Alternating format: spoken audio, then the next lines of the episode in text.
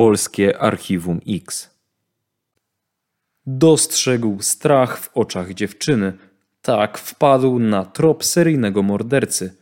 Druga część rozmowy ze Sławomirem Markiewiczem, byłym szefem Wydziału Kryminalnego w Anchorage na Alasce.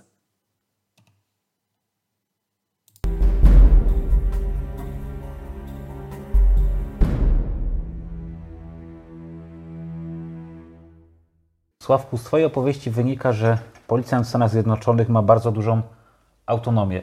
Czy faktycznie tak jest w rzeczywistości, jak mówisz? Tak, e, tak jest. E, tak jak powiedziałem, e, na przykład w naszym mieście policjant pracuje sam. Pracuje sam w samochodzie policyjnym. Jak są jakieś bardziej skomplikowane sprawy, to może się skontaktować z Wydziałem Kryminalnym, czy przekazać im nawet taką skomplikowaną sprawę. Ale już od podstaw, już od czasów patrolu uczy się jak gdyby takiej niezależności i autonomii. Także u nas policjant sam może przygotować szybki taki akt oskarżenia czy nawet prowadząc jakieś śledztwo, nie włączając w to prokuratury, e, policjant może przygotować e, listę dowodów, iść przed sędziego, złożyć przysięgę, że to wszystko jest prawdą i wtedy sędzia może wydać nakaz i taki policjant może wtedy iść aresztować kogoś, nawet e, bez kontaktowania się z prokuraturą. Czyli tak teoretycznie prowadziłeś śledztwo choćby w, odnośnie włamania, tak? Masz podejrzanego, masz dowody, i w tym momencie idziesz do sędziego z prośbą o to, żeby wydał nakaz aresztowania? Tak. I z tym, że jak idę do sędziego, to już y, przygotowuję jakąś listę dowodową. Y, jest to na piśmie, jest taka forma, taki akt oskarżenia. Ja go piszę, ja się podpisuję. Idę przed sędziego i tylko składam przysięgę, że to wszystko jest prawdą, że ja te dowody zebrałem, i wtedy sędzia decyduje, czy wydać nakaz aresztowania, jaką kaucję E, nie ma u nas czegoś takiego jak e, w Europie czy w Polsce, jak zatrzymanie kogoś na 48 godzin. Policja może, jak widzi jakieś przestępstwo czy ma dowody, nawet nie musi kontaktować się z prokuraturą czy z sędzią. Policjant może przeprowadzić areszt. No to chyba wydaje, że wszędzie tak jest. No nie, jak jest jakaś niebezpieczna sytuacja, trzeba kogoś zakuć w kajdanki i, i postawić przed oblicze sędziego, ale policjant sam taką decyzję może podjąć i potem jeżeli nie ma aktu oskarżonego wcześniej przygotowanego, to po prostu taką osobę y, przyprowadza się do sądu przed oblicze sędziego. 24 godziny na dobę jest coś takiego otwarte i wtedy, y, wtedy policjant sam przedstawia sprawę sędziemu, że y, wysłano mnie na taką interwencję. Dowiedziałem się, że, że ten pan użył przemocy w stosunku do swojej żony, pobił ją E, są wystarczające dowody, są obrażenia, aresztowałem go, o, ono tutaj siedzi, ma taką historię kryminalną i dobrze jest wtedy mieć przygotowaną historię. Ta osoba już kilka razy wcześniej była oskarżona o pobicie, o pobicie żony, były jakieś nakazy sądowe, które on złamał. Także to są takie rzeczy, które sędzia bierze pod uwagę i tak ustala kaucję. I, I, sędzia wtedy decyduje, czy się zgadza, czy taka osoba może iść do aresztu, musi iść do aresztu. Za jakieś mniejsze przekroczenia często było tak, że na przykład ja kogoś aresztowałem albo inny policjant i sędzia doszedł do wniosku, że no tak, y, sprawa sądowa się odbędzie, ale nie trzeba tej osoby trzymać w więzieniu. On nie stanowi jakiegoś zagrożenia. I to w zależności od sprawy oczywiście. Ta osoba nie stanowi jakiegoś zagrożenia dla ludzi, nie, nie wydaje się, że będzie popełniała podobnego typu przestępstwa, jest małe ryzyko, tą osobę można zwolnić i ta, jeżeli ta osoba obieca, że się stawi w sądzie danego dnia. Sławku, bo ty mówisz, że możecie jako policjanci działać z pominięciem prokuratora, a w których momentach ten prokurator jest konieczny? Jeżeli mówię, że można działać bez yy, prokuratora, no to też czasami zdrowy rozsądek. Jak jest e, sprawa już bardziej skomplikowana i cięższa, to, to tą prokuraturę trzeba powiadomić. U nas jest tak, że jak się kogoś aresztuje i jest jakiś akt oskarżenia, to jest tylko jakiś określony okres czasu, żeby tą sprawę przygotować, żeby ona była gotowa do sądu. Także trzeba się skontaktować z prokuraturą, czy zdążą tą sprawę przygotować, czy zdążą to wszystko, czy te wszystkie dowody będą gotowe, czy badania laboratoryjne będą gotowe. Także dobrze jest się z, tą prokuraturą, prokuraturą skontaktować, ale natomiast takie jakieś mniejsze sprawy to policjant sam może zadecydować, że nie, że nie trzeba. Ale mówię, im cięższa sprawa, tym większy kontakt z prokuraturą. Na przykład w dziale przestępstw przeciwko dzieciom ta prokuratura już więcej była angażowana, choć też nie zawsze od początku. Też często dopiero jak już mieliśmy akt oskarżenia. Natomiast e, co ciekawe, inaczej to wyglądało w Wydziale Zabójstw. E, to tam jak mieliśmy jakąś sprawę, to prokuratura już od początku brała udział. Mieliśmy bardzo fajny system, że jak coś się działo, to od razu nie tylko policjanci byli wezwani, na przykład w środku nocy czy w czasie weekendu, ale prokuratorzy. Jeden czy dwóch wyznaczonych, którzy z nami pracowali. I oni od początku brali udział w śledztwie, od początku pomagali w, y, w decyzjach, czy, czy na przykład kiedy był potrzebny jakiś nakaz sądowy, czy można było niektóre rzeczy zrobić bez nakazu sądowego i w jakich sytuacjach. To, jak, to była jak gdyby taka z jednej strony porada prawna, a z drugiej strony jakieś przygotowanie już y, tej sprawy do sądu w przyszłości. No nie, jakie dowody zebrać, co zrobić i żeby, żeby to było jak najbezpieczniej, żeby nic nie stracić, żeby nic nie stracić y, z żadnych dowodów przez jakieś nieprzestrzeganie procedur czy, czy popełnianie jakichś błędów. Wspomniałeś o Wydziale Zabójstw. Ty szefowałeś temu wydziałowi 14 lat. Jak to się stało, że trafiłeś na takie stanowisko? Może zacznę od tego, że już jak byłem w Wydziale Kryminalnym, jak byłem w Wydziale Włamań i potem w Wydziale Przestępstw Finansowych, to szef y, Wydziału Zabójstw do mnie przychodził i mówił, no Sławek, y, no, dobrą robotę wykonujesz, chętnie byśmy Cię widzieli w naszym wydziale. Ale też miałem y, małe dzieci, a praca w Wydziale Zabójstw jest taka, że powiedzmy dostajesz telefon w sobotę rano o drugiej rano i, i potem idziesz do pracy i możecie nie być cały weekend. I Moja żona też pracowała, pracowała dla stanu, miała czasami różne wyjazdy i na szkolenia, i czasem poza stan, na inspekcje. Także często ja byłem sam z dziećmi i e, nie byłoby to dla mnie możliwe, żeby na przykład w środku nocy je zostawić bez opieki i czy szukać opieki i iść do pracy. Także to mi trochę nie pasowało. Choć było parę takich spraw, że muszę wspomnieć, że może zmieniając temat e, na moment, ale było tak, że żona była gdzieś na szkoleniu, ja byłem sam z dziećmi i aresztowali mojego podejrzanego o serię włamań, czy o serię napadów rabunkowych, to akurat w tym przypadku. I ja już miałem na niego nakaz aresztowania, tylko że nie mogliśmy go złapać. Ja koniecznie chciałem z nim rozmawiać, no i mam w, w domu dzieci, no i co tu zrobić? No to biorę dzieci do samochodu, jedziemy do biura, rozkładam dzieciom śpiwory pod moim biurkiem, kładę dzieci Yy, pod, yy, przy biurku jest tam jakaś policjantka, która mi pomaga i ona się tymi dziećmi zajmie, a ja w tym czasie robię przesłuchanie. Potem, yy, tak z żartem mówię, jak patrzę na to z punktu widzenia przestępstw przeciwko dzieciom, to czy to nie, było, nie było tak na granicy jakiegoś tam łamania przepisów, ale, ale nie. Było wszystko ok i dzieci też były ciekawe, już były w takim wieku, że to ich fascynowało i i to samo bycie w e, budynku policji to było dla nich fajne, no nie, ale, ale jak już byłem, przeszedłem do Wydziału Zabójstw, to już dzieci były nastolatkami, już można było je same zostawić i to była, to pomogło. Czyli to było zawsze jakimś tam na celu, zawsze chciałem tam wylądować. A druga sprawa to taka ciekawa, że jak przechodził na emeryturę poprzedni szef Wydziału Zabójstw, jak kończył tam pracę, to Pamiętam, siedziałem kiedyś przy biurku, szczęśliwy w, tym dziale przestępstw przeciwko dzieciom, bo tam mi się praca podobała, wszyscy mnie lubili, miałem dobre kontakty y, na różnych szczeblach z różnymi agencjami i przyszło do mnie paru detektywów z Wydziału Zabójstw i mówią do mnie, no słuchaj Sławek, jest otwarcie i bardzo byłoby fajnie, jak był zainteresowany, jak był naszym szefem. Także to było dla mnie miłe, że inni policjanci widzieli mnie w tej roli i że mnie zachęcili. To mnie dopiero tak skłoniło do tego, żeby o tym pomyśleć, ale okazało się, że wszyscy sierżanci w Wydziale Kryminalnym złożyli, także też była konkurencja. Było 8 osób, 8 kandydatów, także potem były egzaminy, tak, takie, to się nazywało oral boards, takie ustne egzaminy, no i decyzja szefa kogo wybrać. No okazało się, że trafiło na mnie. Także ja zostałem wtedy szefem Wydziału Zabójstw.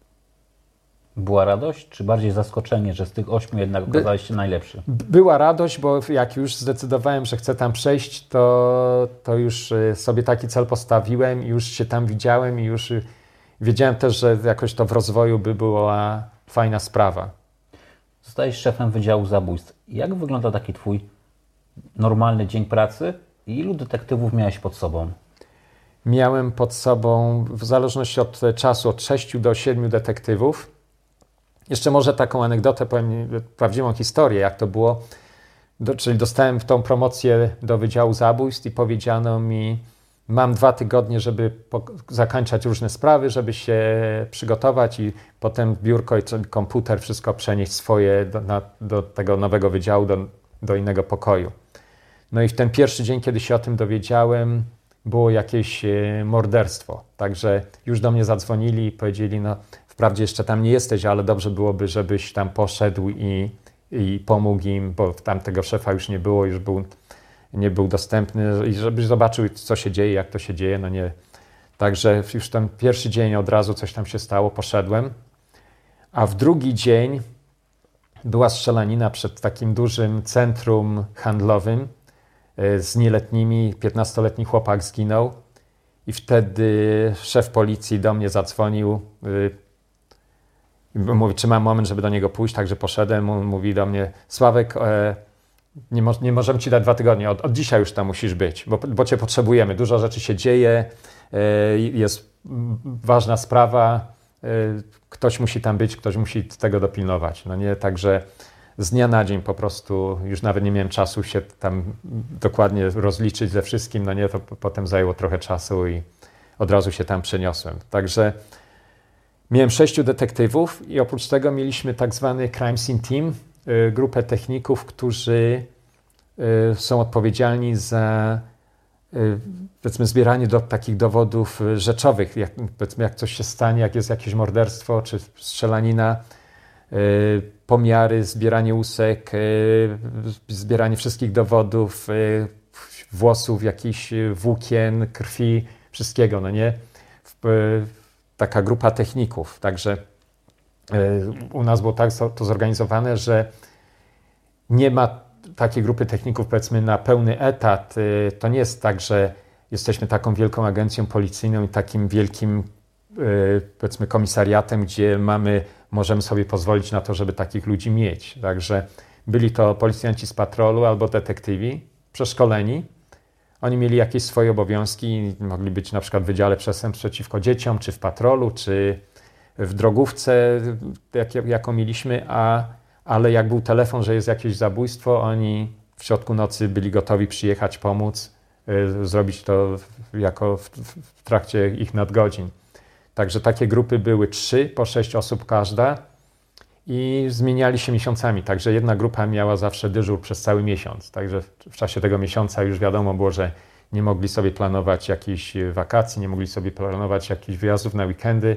Już muszą być w tym miesiącu, powiedzmy, przy telefonie 24 godziny gotowi, że jak coś się stanie, żeby, e, żeby przyjechać. No i taka była w sumie moja rola przez 14 lat. Zawsze przywiązany do telefonu chyba że gdzieś byłem poza miastem na wakacjach czy na jakimś szkoleniu, ale zawsze telefon włączony 24 godziny, zawsze przygotowany na to, żeby w każdej chwili pojechać do pracy. No i teraz mogę powiedzieć, jak taka typowa e, interwencja, czy takie, takie typowe śledztwo się odbywało. E, powiedzmy więc, że mamy strzelaninę, wękrycz, ktoś ginie. Oczywiście policjanci przyjeżdżają pierwsi, tacy, tacy w patrolu, ale już wiedzą, że jest coś poważnego, że jest zabójstwo i, i sierżant, wtedy szef zmiany, y, bo sierżant często był szefem zmiany, sierżant albo porucznik, ale z reguły na noc to był sierżant i wtedy sierżant y, dzwonił do mnie i, mówi, y, mówił mi, co mamy. No nie, że mamy jakieś zabójstwo, jaka ofiara, gdzie to jest. I wtedy ja dzwoniłem z kolei do prokuratury do tych dyżurnych prokuratorów i też dzwoniłem do wszystkich swoich policjantów z wydziału. No też e, mogło być tak, że czasami ktoś miał jakąś uroczystość rodzinną, czy ktoś był na urlopie, także też nie zawsze wszyscy byli dostępni. Poza tym, jeżeli ktoś y, na przykład miał jakieś urodziny i wypił jakiś alkohol, to też już nie mógł przyjechać. Y, także czasami nie miałem wystarczająco detektywów z mojego wydziału, także dzwoniłem do innych detektywów z innych wydziałów, żeby pomogli. I to wszystko się odbywało powiedzmy z listy według stażu pracy.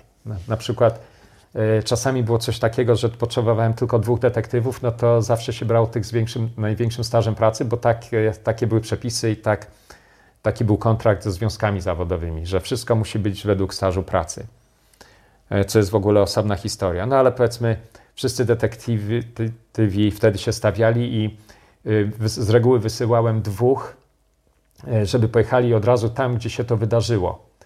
Jeżeli wydarzyło się to gdzieś w mieszkaniu, to musieli dostać nakaz sądowy, także tych dwóch detektywów pojechało wtedy do tego mieszkania, skontaktowali się tam z policją na miejscu, co tam e, do, zebrali podstawowe informacje i wtedy oni szli do sądu i zwracali się o nakaz rewizji, bo nie chcieliśmy robić nic bez nakazu rewizji, żeby potem nie było jakichś kłopotów w sądzie. Także wszystko powiedzmy zgodnie z procedurami, zgodnie z prawem. Także jeden czy dwóch detektywów e, jedzie na miejsce, robią nakaz rewizji, a poza tym potem jak przyjeżdżają z powrotem, to nam mówią dokładnie, co tam widzieli. Często już e, jak były, no już potem były zdjęcia oczywiście cyfrowe, także zrobili szybko zdjęcia jakieś i potem te zdjęcia już mogliśmy oglądać. A, a ja z reguły pojechałem najpierw e, do swojego biura, tam się detektywów zebrało i no i w zależności od tego, jaka to była sprawa, czy były osoby do przesłuchania, czy trzeba było chodzić i pukać do drzwi po okolicy, no nie, to też y, tak to wyglądało, w zależności co trzeba było zrobić. Ale z reguły to było tak, że 90% to było tak, że jacyś świadkowie byli, także jakichś świadków trzeba było przesłuchać i oni byli z reguły przywiezieni już na policję. Często było tak, że już jakiś podejrzany był przywieziony na policję. I to, to już wtedy się przygotowywaliśmy do przesłuchań, zbieraliśmy informacje, jak najwięcej, żeby e, z tego miejsca zbrodni, żeby to jak najwięcej informacji mieć, żeby wtedy taką osobę skonfrontować, ale zanim się z taką osobą rozmawiało, to też dobrze byłoby trochę ze świadkami, jakieś podstawowe informacje. Przez te 14 lat ponad 300 spraw. Jest taka sprawa, która szczególnie utkwiła Ci w pamięci? Ty też miałeś przecież do czynienia z seryjnymi mordercami. Mnóstwo było takich spraw, e, które utkwiły w pamięci. W tym czasie, co byłem szefem e, Wydziału Zabójstw, mieliśmy przynajmniej trzech seryjnych morderców, e, o których wiedzieliśmy. Było też parę nierozwiązanych spraw z przeszłości, gdzie podejrzewaliśmy, że, że był inny seryjny morderca, która to, sprawy, która to sprawa do tej pory nie została rozwiązana. Także na pewno pracowałem nad czterema różnymi seryjnymi mordercami, ale trzech udało nam się zidentyfikować i, i trzech działało w tym czasie, kiedy ja byłem szefem Wydziału Zabójstw. I wszystkie te sprawy udało nam się rozwiązać e, w taki czy inny sposób. E, I sprawa, która najbardziej utkwiła mi w pamięci, no, znowuż było, było kilka. Było, na przykład ostatnia była taka, to było dwa lata przed emeryturą w 2016 roku mieszkaniec naszego miasta, James Ritchie, zaczął mieć jakieś e, problemy psychiczne i zaczął strzelać do ludzi, ale my nie wiedzieliśmy jeszcze, kto to był. I pierwsze, pierwsza taka informacja była pierwszy raz, e, gdzie nas wezwano do takiej strzelaniny. Znaleziono dwie osoby martwe, zastrzelone na takim szlaku na obrzeżach miasta, ale to był szlak rowerowy, używany za dnia przez rowerzystów to było w takiej dzielnicy, gdzie było e, schronisko dla bezdomnych. Te osoby okazało się, że były związane z tym środowiskiem bezdomnych. Potem była, było następne morderstwo. Młody chłopak, 19-letni, e, został zamordowany na ulicy kilka tygodni później. Potem następne dwie osoby zostały zastrzelone na innym szlaku w innej części miasta. I to był seryjny morderca, który mordował ludzi, powiedzmy, przypadkowych, y, którzy mu nic nie zrobili złego, których, którzy, których mijał na ulicy. Nie było żadnego powiązania między nim a ofiarami.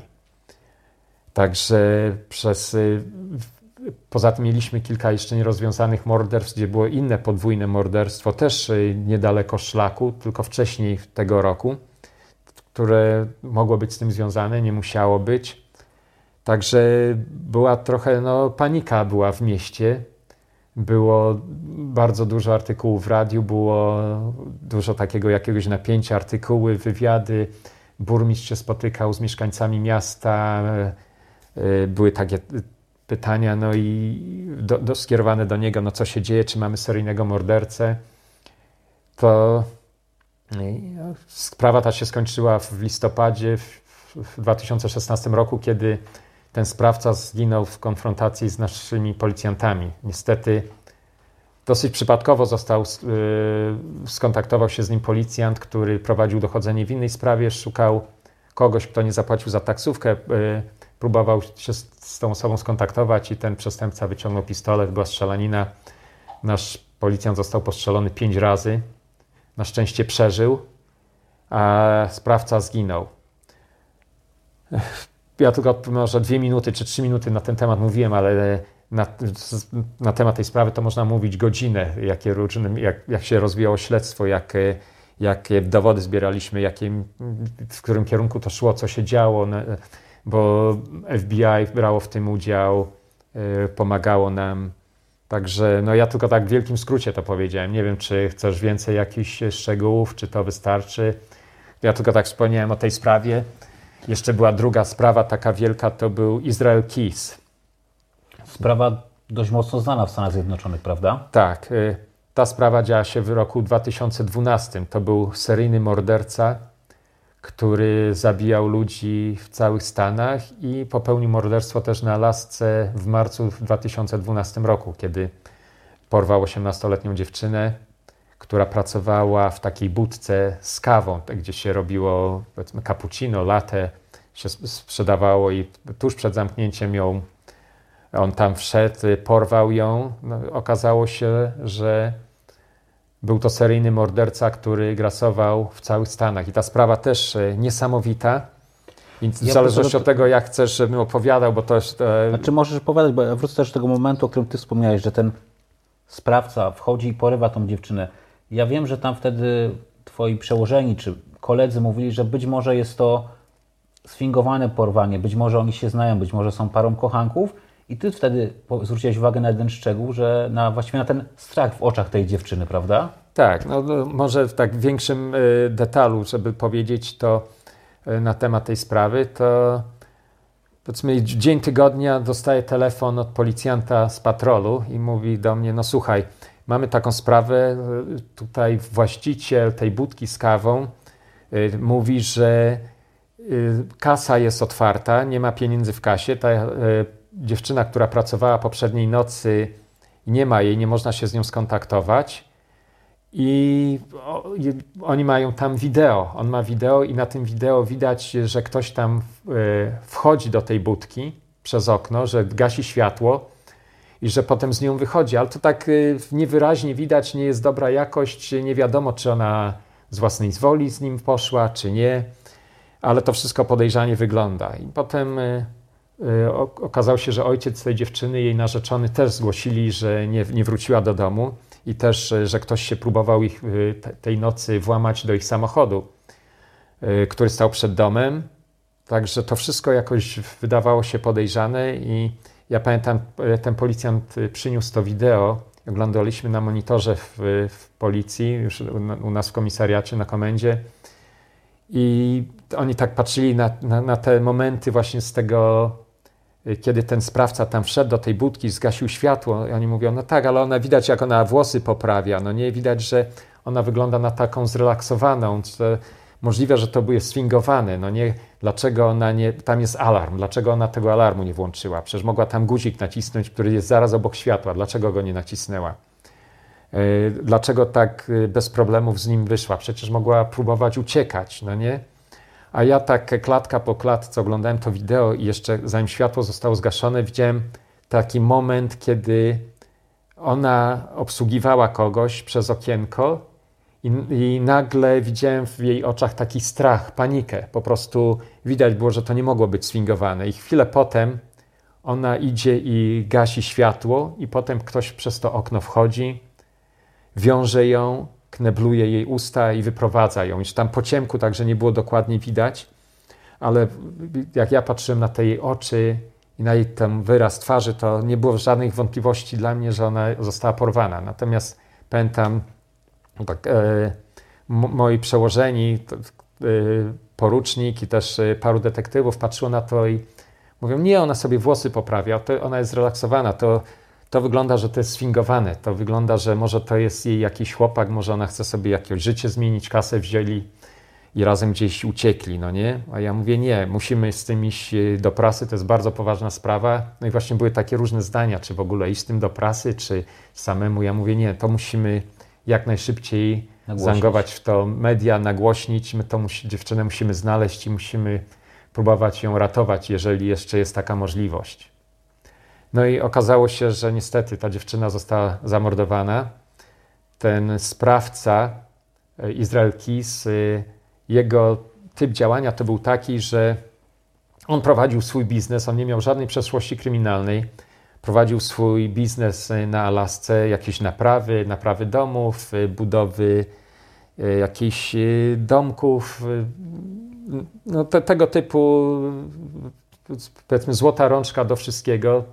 E, renomowany, naprawiał między innymi domy jakimś prokuratorom, jakimś e, innym ludziom, e, powiedzmy, z, z miasta, dobrze znany, lubiany.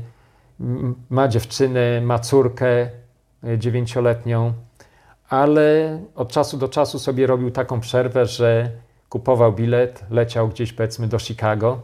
Wyjmował baterię z telefonu, żeby nikt go nie znalazł, rabował parę banków, żeby mieć trochę gotówki. I potem ruszał gdzieś w podróż 1000, 1200, 2000 mil.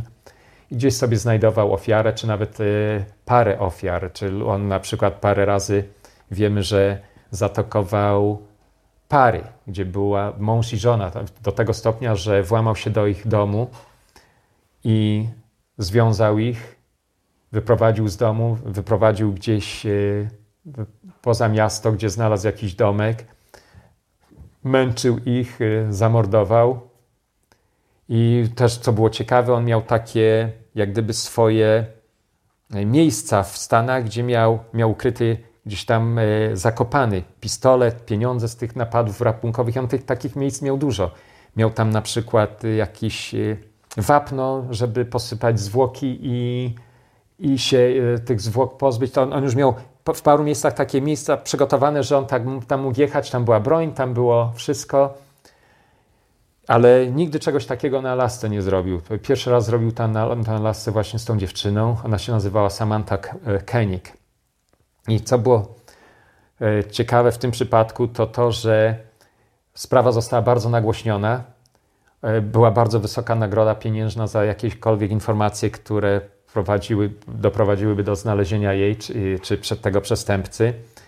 I on się z nami skontaktował, używając jej telefonu i wysłał tekst, y, w którym y, powiedział, że gdzieś tam jest przylepiona kartka z jakimiś informacjami w parku. Także poszliśmy do tego parku, na takiej tablicy informacyjnej była kartka i tam było jej zdjęcie tej dziewczyny związanej, zakneblowanej i były instrukcje, gdzie, że trzeba 30 e, tysięcy dolarów e, wpłacić na konto na jakiejś kartki debitowej. My sprawdziliśmy, co to za kartka, to była kartka, która należała do tej dziewczyny. Także domyślaliśmy się, że po prostu chce, żeby ją, jej kartkę nabić i on wtedy tą kartkę może używać, żeby wyciągać pieniądze. I nawet wtedy jeszcze tak krążyły, jeszcze niektórzy, no różne, trzeba też być otwarcie, otwarcie myśleć, różne były teorie, ale niektórzy policjanci już mieli takie bardzo duże doświadczenie jakieś e, z narkotykami, z przestępstwami związanymi z narkotykami. Oni mówią, nie, no to, to wygląda jak coś właśnie, że może, może coś związane z narkotykami, może jakiś dług, może jakieś coś. To, to nie jest, e, to nie wygląda nam na prawdziwe porwanie, ale ja cały czas byłem przekonany, że to jest właśnie prawdziwe porwanie. No i w każdym razie postanowiliśmy, że no nie, nie, nie damy 30 tysięcy dolarów, tylko że mniejsze sumy tam włożymy na tą kartkę, bo wiedzieliśmy, że za każdym razem, co ta osoba się z nami będzie kontakt, skontaktować i też za każdym razem, co będzie tą kartkę używać, to zwiększa się nasze prawdopodobieństwo, że tą osobę złapiemy. Także już w tym momencie wiedziałem, że to jest tylko kwestia czasu, że e, skoro on chce wyciągać pieniądze z bankomatów, to jest tylko kwestia czasu, zanim go złapiemy.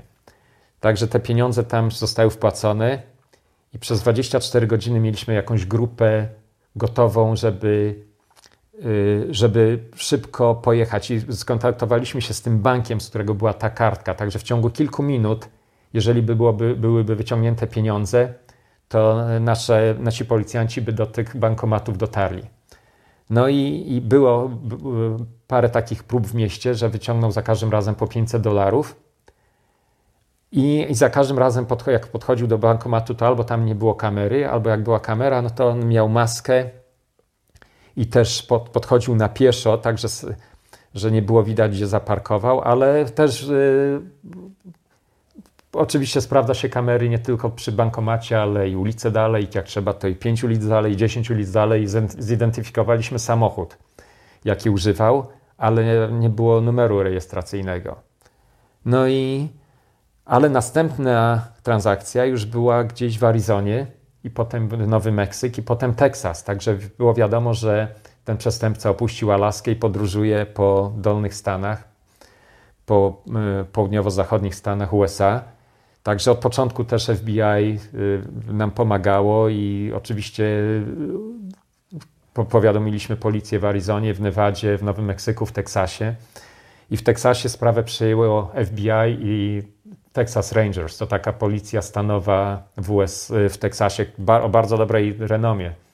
E, Texas Rangers. Także no ja wiedziałem, że to jest tylko kwestia czasu. Wiedziałem, że z dnia na dzień to jest, musimy go złapać. No i y, oczywiście popełnił błąd w pewnym momencie. Y, wszędzie używał maski, no ale nawet jak miał maskę, to było widać, że ma jeansy, że ma białe tenisówki, jaki, jakiś tam kolor koszuli. No i w w jakimś miasteczku małym, jak zawsze zaparkował 5 czy 6 ulic dalej, ale to wystarczyło, bo policjanci sprawdzili powiedzmy w promieniu y, y, kilku kilometrów i znaleźli, gdzie on ten samochód zaparkował i okazało się, że był to biały Ford Focus. Także już wiadomo było, że szukamy biały Ford Focus, prawdopodobnie wypożyczony z jakiejś agencji.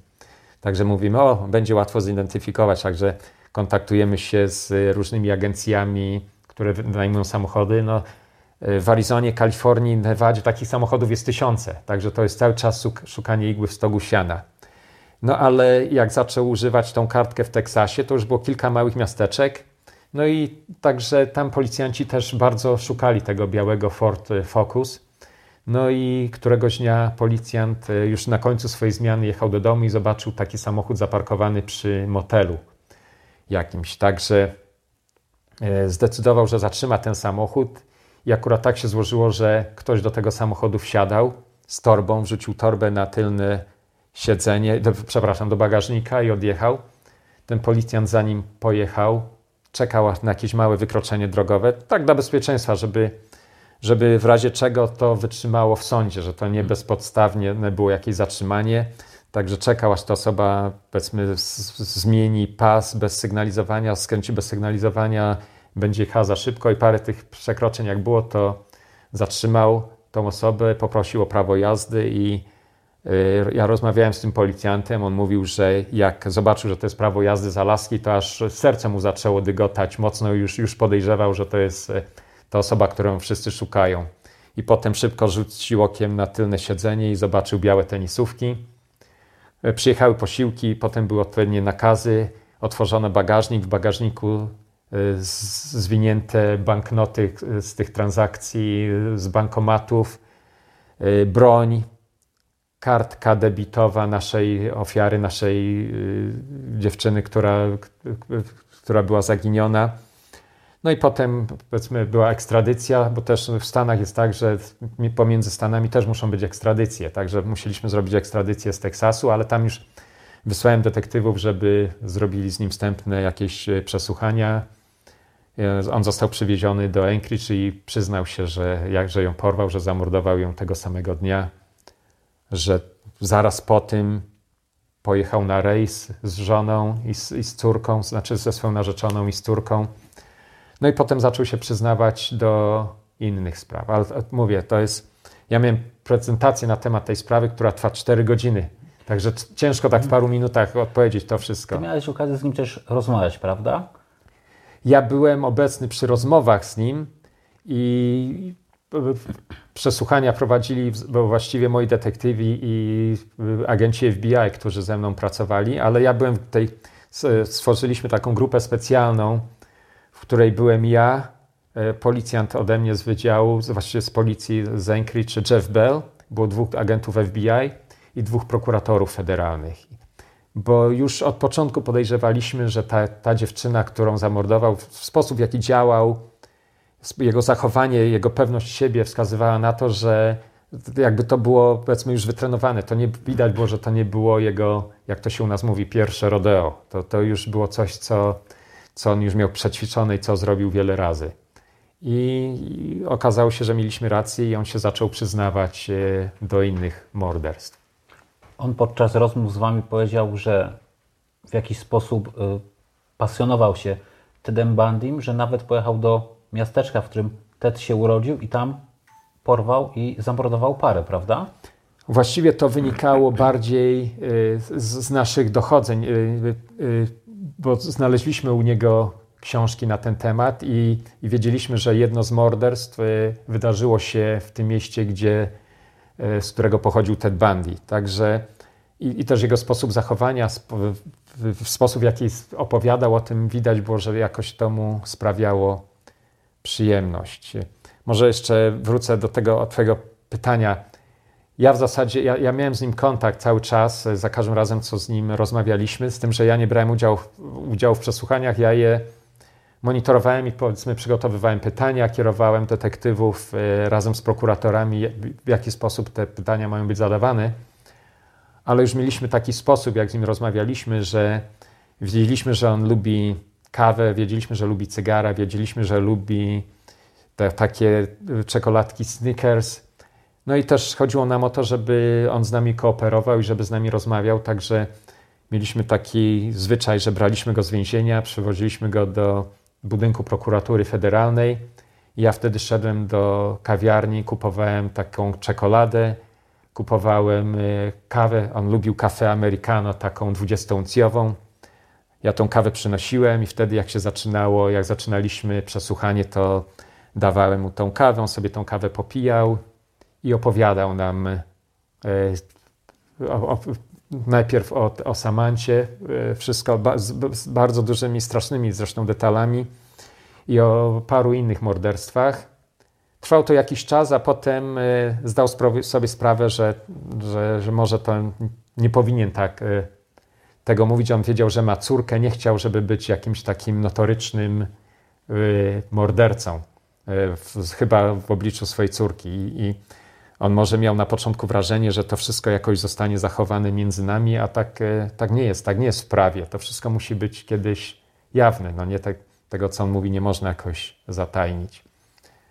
Także może jeszcze wrócę tylko do tego, jak, jak były rozmowy z nim, że E, jak on opowiadał o tym, co robił, czy jak kogoś mordował, że widziałem, że tak oczy aż mu się tak szkliły, że w pewnym sensie jak, jak gdyby wpadał w trans i jakby on to przeżywał z powrotem. Także w pewnym sensie jakąś mu to przyjemność sprawiało opowiadanie o tym. No i, a z naszej strony na pewno nie było to przyjemne, i, i, i, ale trzeba było jakoś te informacje od niego wyciągnąć i zachować zimną krew i zachowywać się normalnie nie z jakimś oburzeniem, czy z jakimś, e, e, powiedzmy, jakąś reakcją e, taką bardzo negatywną, tylko po prostu słuchać, być zainteresowanym, zachęcać go do tego, żeby mówił, żeby dzielił się tymi okropnymi szczegółami.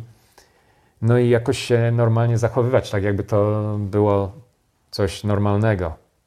Jaki był finał tej sprawy? przede wszystkim, jak on zaczął z nami rozmawiać, to on w ogóle prosił, że yy, prosił, że, żeby dostać karę śmierci. On powiedział, on będzie z nami kooperował, on nam wszystko powie, tylko żeby mu gwarantować, że w ciągu roku będzie miał karę śmierci, że ta kara śmierci zostanie wykonana. bo on nie chciał spędzić e, reszty swojego życia w więzieniu. Także no, no, no, w ten sposób e, w ten sposób zaczął z nami rozmawiać. Oczywiście to nie jest takie proste. Raz, że no nie możemy obiecać komuś, że karę śmierci dostanie i też w Stanach jest to bardzo mocno regulowane. Nawet jeżeli ktoś chce być skazany na śmierć, to są lata i to są e, powiedzmy odwołania sądowe i to nie jest takie proste. E, nie mówiąc o tym, że na przykład na Alasce nie ma kary śmierci, z tym także trzeba byłoby go oskarżyć o przestępstwa federalne i co, coś, coś się stało. Ale jeszcze raz wracając do, do odpowiedzi na Twoje pytanie, on przyznał się do kilku morderstw i potem e, już jak gdyby przestał kooperować z nami, już e, przestał rozmawiać z, deta detal z detalami. Tak ogólnikowo mówił, powiedzmy, o niektórych sprawach, o niektórych rzeczach, które zrobił, ale już e, bez nazwisk, bez miejsc.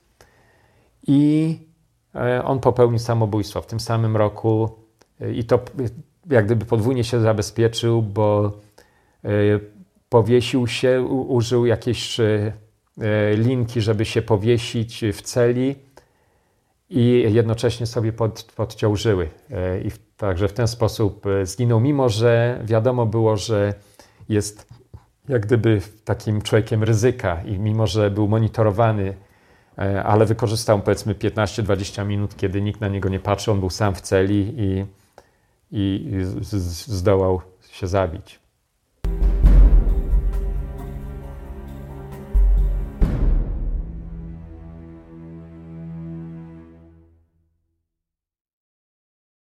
Po, w parę dni po tym, jak ta, jak ta dziewczyna została wyprowadzona z budki, oczywiście szukaliśmy, gdzie on mógł ją zabrać. Gdzieś musiał być samochód zaparkowany, także ulicę po ulicy i, i w końcu znaleźliśmy już daleko, że on szedł z nią w sumie, ja wiem, no nawet koło kilometra. Miał samochód zaparkowany przy takim sklepie Home Depot, gdzie, a właściwie to był Lowe's, gdzie takie materiały budowlane, sklep z materiałami budowlanymi i samochód był taki też taka ciężarówka.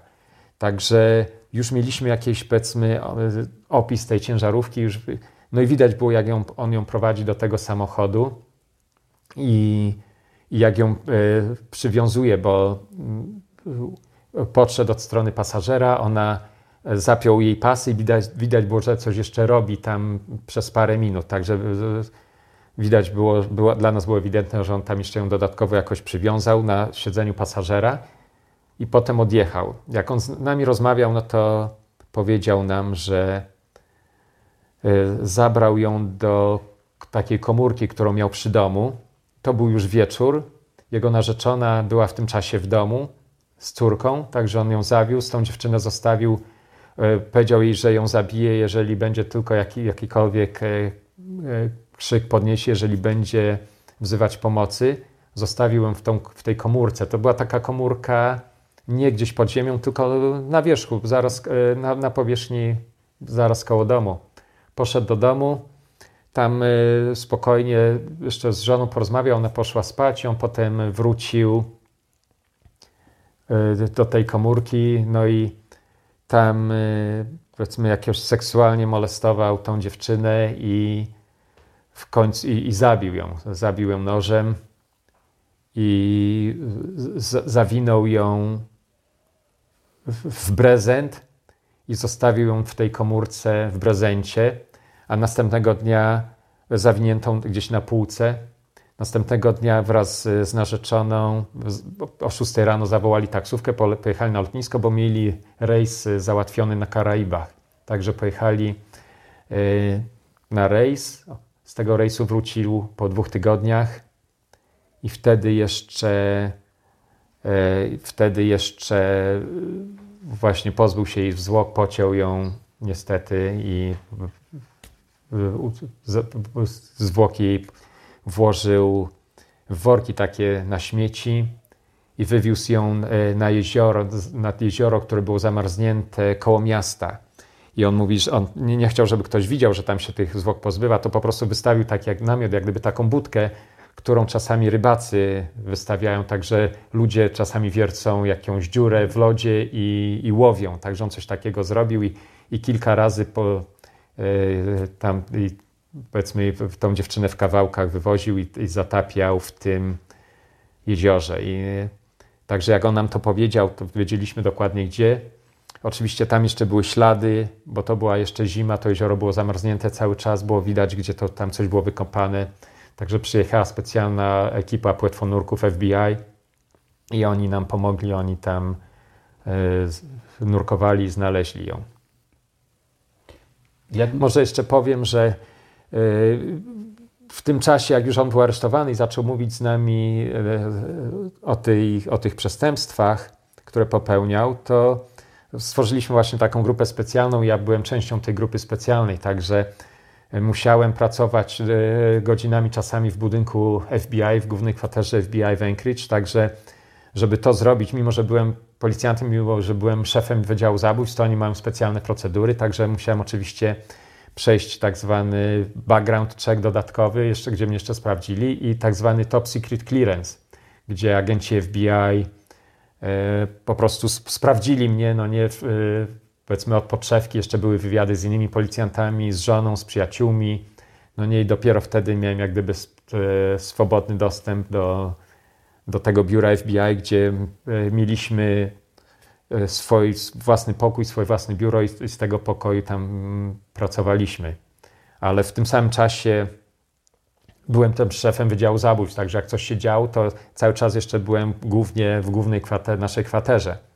Była przez jakiś czas taka propozycja, że ponieważ były to tak ciężkie przestępstwa i to mogło być y, dochodzenie, które mogło trwać rok czy dwa, żebym tam przeszedł na stałe i żebym był w tej grupie na stałe. Tylko, że wtedy musieliby kogoś y, na moje miejsce dać w Wydziale Zabójstw, a ja bardzo chciałem tam pozostać. Jakbym wyszedł z tego Wydziału Zabójstw, to już y, może byłoby potem ciężko powrócić, jak już ktoś inny byłby na tym miejscu. Także ja powiedziałem, ja mogę dwie prace równocześnie wykonywać. Mogę być w tej grupie specjalnej, mogę cały czas jeszcze y, być szefem działu zabójstw i wjeżdżać, wyjeżdżać jak coś się stanie, czy prowadzić dochodzenia i także przez prawie rok to do, w zasadzie do grudnia to jeszcze trwało, że, że parę prac musiałem wykonywać i dodatkowe obciążenie było.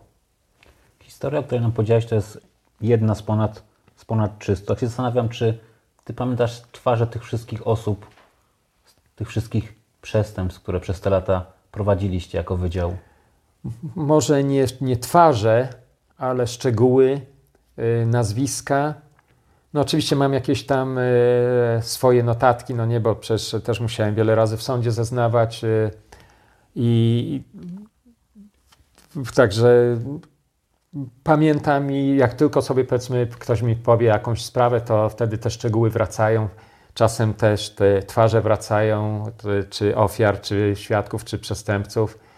I w mniejszym czy większym stopniu wszystkie te sprawy pamiętam. Ty też byłeś takim prekursorem czegoś, co w Polsce nazywamy policyjnym archiwum X, tak? Czyli ty zająłeś się sprawami też, które od lat leżały w archiwum, którymi się nikt nie zajmował. Często były to sprawy sprzed 20, 30, 35 lat i z dużym powodzeniem udawało ci się ustalić sprawców. Tak, jak y, zostałem szefem działu zabójstw, to zobaczyłem, że jest taki pokój, gdzie jest takie nasze właśnie archiwum. I były tam y, na półkach stare jakieś y, no, koperty. Nie wiem, jak to u nas się mówi binders y, po angielsku. Szukam polskiego słowa. Te takie Akta. akta. Były wielkie akta, grube. Czasami jedna sprawa miała trzy czy cztery takie grube tomy akt. No i mnie to od razu zafascynowało. To było wszystkie, wszystkie sprawy, które tam były, to były nierozwiązane. Dlatego tam były zostawione, żeby w każdej chwili można było do nich wrócić. No i w wolnych chwilach zacząłem je przeglądać, ale co się okazało, że od początku byłem jak gdyby tak wrzucony w ten wir pracy i zawsze było coś, e, zawsze coś się działo. Tego czasu było mało. Także y, udało mi się te sprawy jakoś zorganizować, że powiedzmy było mniej więcej ich około 60. Także udało mi się jakoś tak przejrzeć i mniej więcej wiedzieć e, o co chodzi w każdej sprawie i, i napisać takie, taką krótką notatkę, jak gdyby streszczenie, o, o co, y, czego ta sprawa dotyczy, co to jest. I też y, były czasem tam luźne papiery, to wszystko było tak e, czasami luźno rzucone.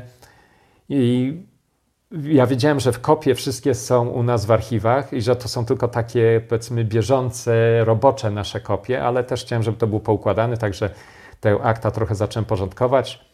No i dowiedziałem się, że jest możliwość, żeby otrzymać pieniądze od e, rządu federalnego, e, żeby takie sprawy prowadzić. E, w tym czasie coraz więcej się mówiło o tym, żeby do tych spraw wracać, dlatego że powiedzmy w roku 2000, 2005 zostałem szefem Wydziału Zabójstw, wtedy DNA już było powszechnie oczywiście używane i, i, i wiele dowodów y, miało to DNA, natomiast y, te akta, które ja przeglądałem, to były z lat 60., 70., 80., tam może była grupa krwi, może było coś takiego już, ale nie było DNA. Także ja widziałem duży potencjał, że gdyby jeszcze raz te dowody sprawdzić i to DNA jeszcze raz przepuścić, to może się te sprawy uda rozwiązać. No i oczywiście w USA, podobnie zresztą ja jestem pewny, że w Polsce i innych krajach Europy jest y, doskonały system identyfikacyjny DNA. E, w USA to się nazywa CODIS. I to jest y, ogólnokrajowy system, gdzie powiedzmy jakieś cięższe przestępstwa, kryminaliści, y, ich DNA jest w tych archiwach, w tym systemie CODIS. Także ja sobie myślałem, jeżeli znajdziemy jakieś DNA w tych sprawach z lat 60., 70., 80., 90., to któreś z tych morderstw nam uda się może rozwiązać. No i zacząłem właśnie przeglądać te sprawy pod tym kątem, szukać takich dowodów, gdzie takie, takie dowody można znaleźć.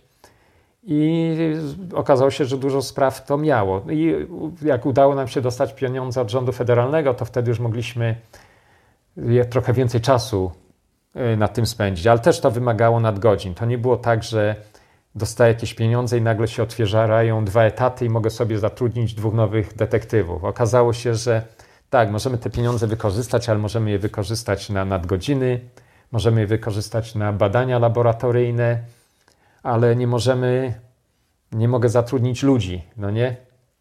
Także y, zacząłem się pytać detektywów, czy ktoś jest zainteresowany, żeby e, nadgodziny pracować. No i na początku był trochę entuzjazm, ale wiesz jak to jest. E, ludzie mają rodziny, mają zainteresowania. E, na lasce to jest, jest sezon polowań, jest sezon na ryby, zawsze coś się dzieje w weekendy i, i ten entuzjazm po, po jakimś czasie osłabł. Przez te sprawy przechodziliśmy i przynajmniej w tej pierwszej fazie udało nam się, co, co, co nam udało się zrobić, to zidentyfikować jakieś wszystkie dowody w tych sprawach i te, które jakieś oferowały potencjał na rozwiązanie, napisać streszczenie, ale potem, żeby prowadzić dokładniejsze dochodzenia, to już y, y, brakowało trochę czasu. No i, y, ale mimo wszystko to ciągnęliśmy. Próbowałem zainteresować detektywów z innych wydziałów, no i Pierwszą taką sprawę udało nam się rozwiązać chyba już w roku 2010, gdzie była dziewczyna zamordowana, ona się nazywała Genevieve Tetpon i udało nam się znaleźć jej, e, znaczy nie jej, ale udało nam się znaleźć DNA na sznurkach, które zawiązywały śpiwór. Ta dziewczyna była zamordowana e, nożem, była zawinięta w koc i potem była zawinięta w śpiwór i porzucona gdzieś za miastem. Także e, doszliśmy do wniosku, wiedzieliśmy, że morderca, który ją tam porzucił, to na pewno musiał ją w tym śpiworze zawiązać, także może jego DNA będzie na tym, tych sznurkach, które ten śpiwór zawiązywały. Także dokładnie te sznurki zbadaliśmy, zbadaliśmy inne dowody, no i, i tą sprawę udało nam się rozwiązać. I okazało się, że, yy, że yy, ten morderca nie popełnił nigdy żadnego innego przestępstwa, także jego DNA nie było w, w tym systemie CODIS. Także trzeba było innych sposobów, żeby go zidentyfikować, ale, ale dzięki dobrej powiedzmy pracy śledczej udało nam się takiego sprawcę zidentyfikować, otrzymać jego DNA, porównać i tę sprawę rozwiązać. Może zdradzić, jaki to był sposób? O, e, no to, to już e, w większe detale wchodzimy, ale jak ta dziewczyna była porzucona za miastem, to były też jakieś papiery wokół niej. Były to wydruki maili. Były tam jakieś yy, butelki, powiedzmy, tak, te, tego typu rzeczy, które się widzi, jak ktoś na przykład, ktoś, kto ma w bagażniku samochodu, no nie jakiś tam płyn do szyb, jakieś ścierki, no nie, jakieś śmieci. Jak ja patrzyłem na zdjęcia tej dziewczyny i te, te śmieci wokół, to wyglądało, że to wszystko było razem, powiedzmy, że ktoś ją wyciągnął z samochodu i to wszystko razem z nią, to także było wyrzucone z samochodu, bo patrzyłem na zdjęcia sprzed powiedzmy 10 lat i ja widzę, że tam w tym nie widać żadnych innych śmieci, ale akurat koło niej są jakieś papiery. No i w, w, okazało się, że były właśnie tam maile, ale maile były za, y, zaadresowane do pani, która była dyrektorem szkoły. Bardzo dobra reputacja, no to nie jest twoja pierwsza podejrzana, tak? No ale jak zaczęliśmy powiedzmy bliżej się przyglądać, to mówimy, no tak, może nie ona, ale może ktoś miał dostęp do jej samochodu. No nie, okazało się, że w tym czasie, kiedy ta dziewczyna była zamordowana, ta pani dyrektor szkoły miała 18-letniego syna i drugiego, który był o kilka lat młodszy. No to mówimy, ten 18-letni, kto wie, no nie, no i tak po, po nitce do kłębka okazało się, jedną rzeczy, którą znaleźliśmy tam, to był też e, jakiś rachunek za za klub taki fitness, też należący do tej pani, no ale w, ka w każdym razie y, po nitce do kłębka i zidentyfikowaliśmy, że ona ma 18-letniego syna, miała też męża, ale skupiliśmy się na tym synu i zaprosiliśmy go na rozmowę, no nie, I, i rozmawialiśmy z nim, to już było 10 lat później, no i spytaliśmy się tak, no nie chcesz, czy chcesz nam pomóc to rozwiązać, no nie, on mówi, że on nie zna tej dziewczyny, on nie miał z tym nic do czynienia, on nie wie, o czym mówimy, no nie, no to E, bardzo by nam pomogło, jakbyś mógł dać nam e, swój, swoje DNA, żebyśmy mogli e, zrobić wymaz tobie, no nie, to wtedy będziemy wiedzieli, że to nie ty. On się tak zaczął głęboko zastanawiać, mówi, nie, no to muszę z mamą porozmawiać. No to wtedy myślimy, aha.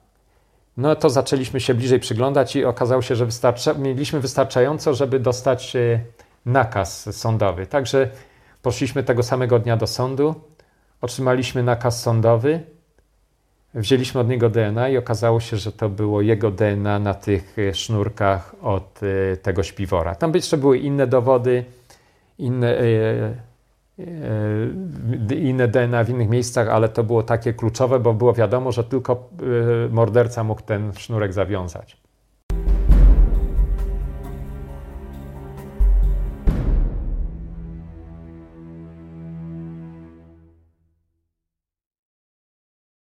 Sławku, ty przepracowałeś w policji łącznie około 30 lat.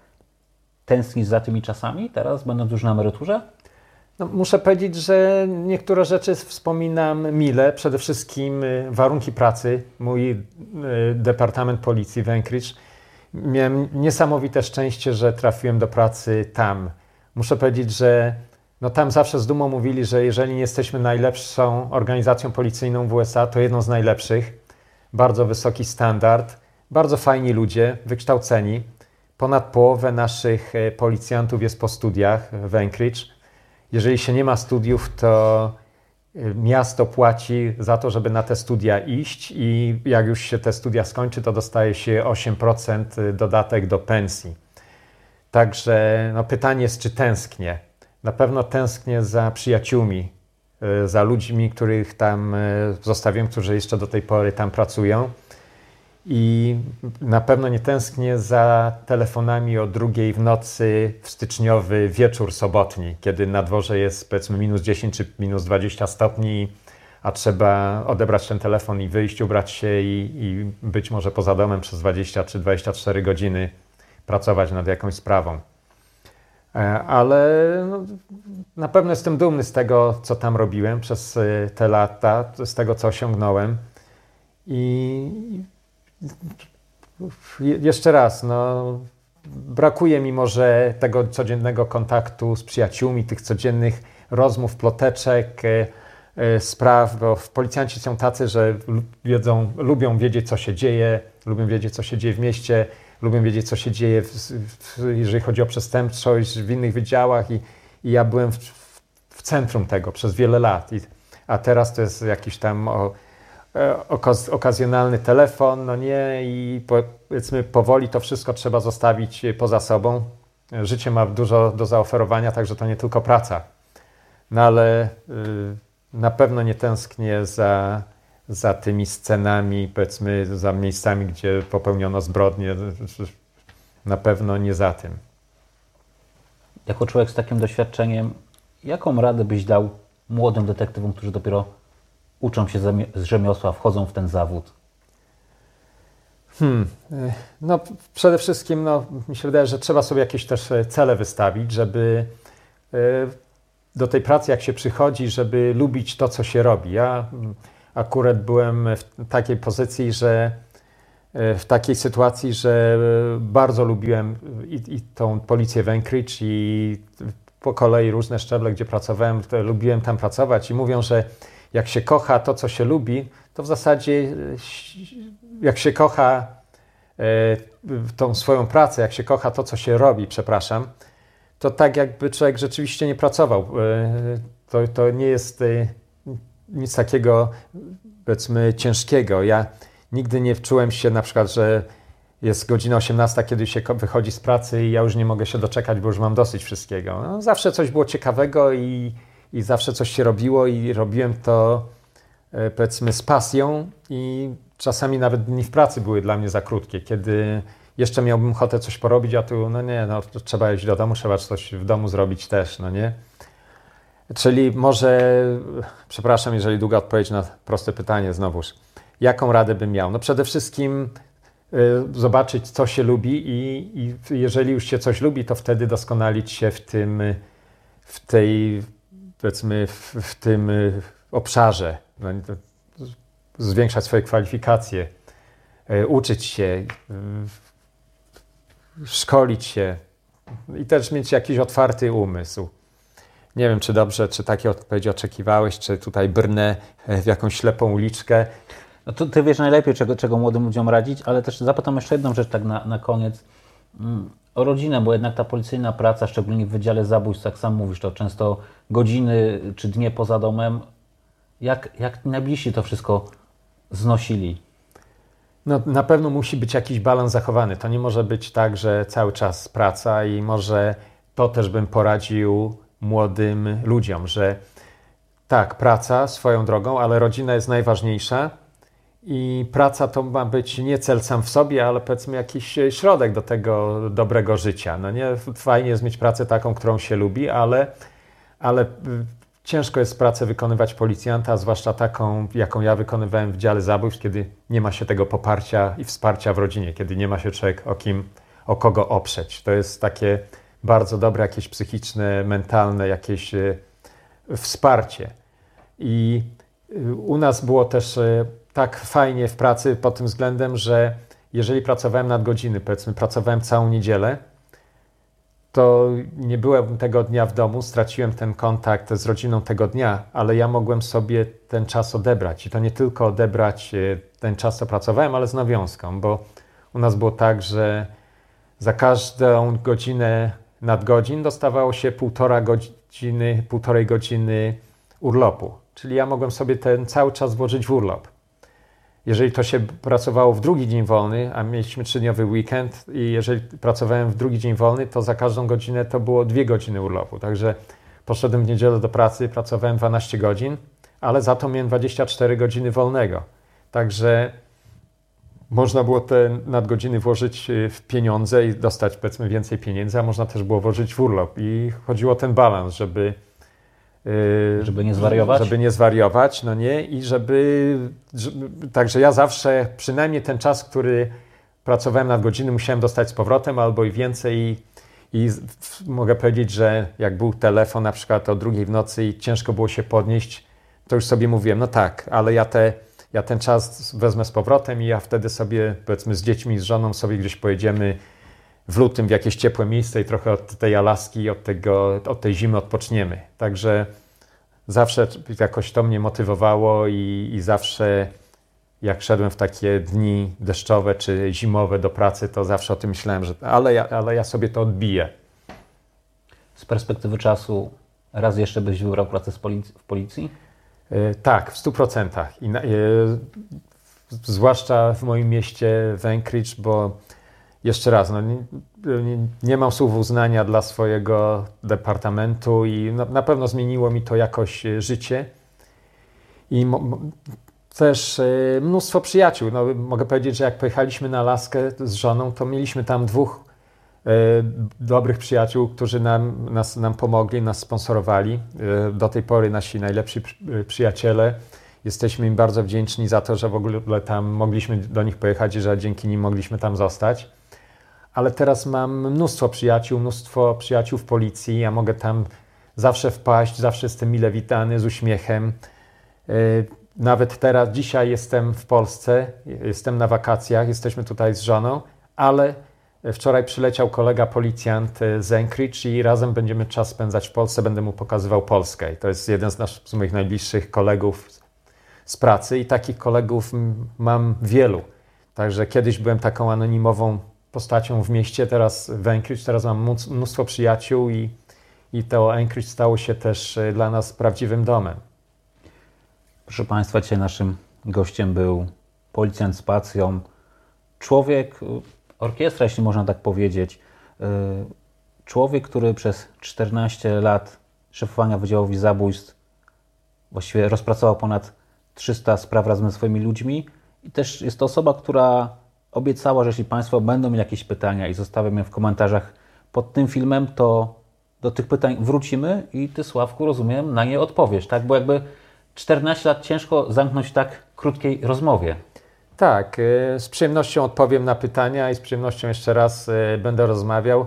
Dla mnie to jest y, powrót jak gdyby do, no do, do, do mojej pracy zawodowej, do tego, co, co robiłem, co lubiłem robić i, i po paru latach emerytury dla mnie jest to przyjemnie no, porozmawiać na ten temat i podzielić się jakimiś wrażeniami, przygodami, historiami z tej pracy. Mi się wydaje, że że no, dużo rzeczy widziałem ciekawych i mo, może to niektórych ludzi zainteresować. Jeszcze jedna taka dygresja.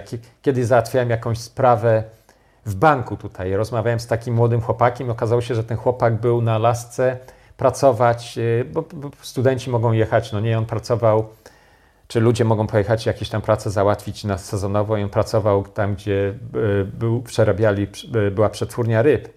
No i rozmawialiśmy o lasce i o mojej pracy i i pamiętam, on takie zdanie powiedział, ale ma pan fenomenalnie ciekawe życie. I ja sobie tak pomyślałem, no rzeczywiście, no nie, tak e, e, ciekawe i, no, i, no i e, często fajne. I my do tego ciekawego życia jeszcze w naszym podcaście Polskie Archiwum Mix wrócimy, a na dzisiaj bardzo dziękuję Sławku. Dziękuję.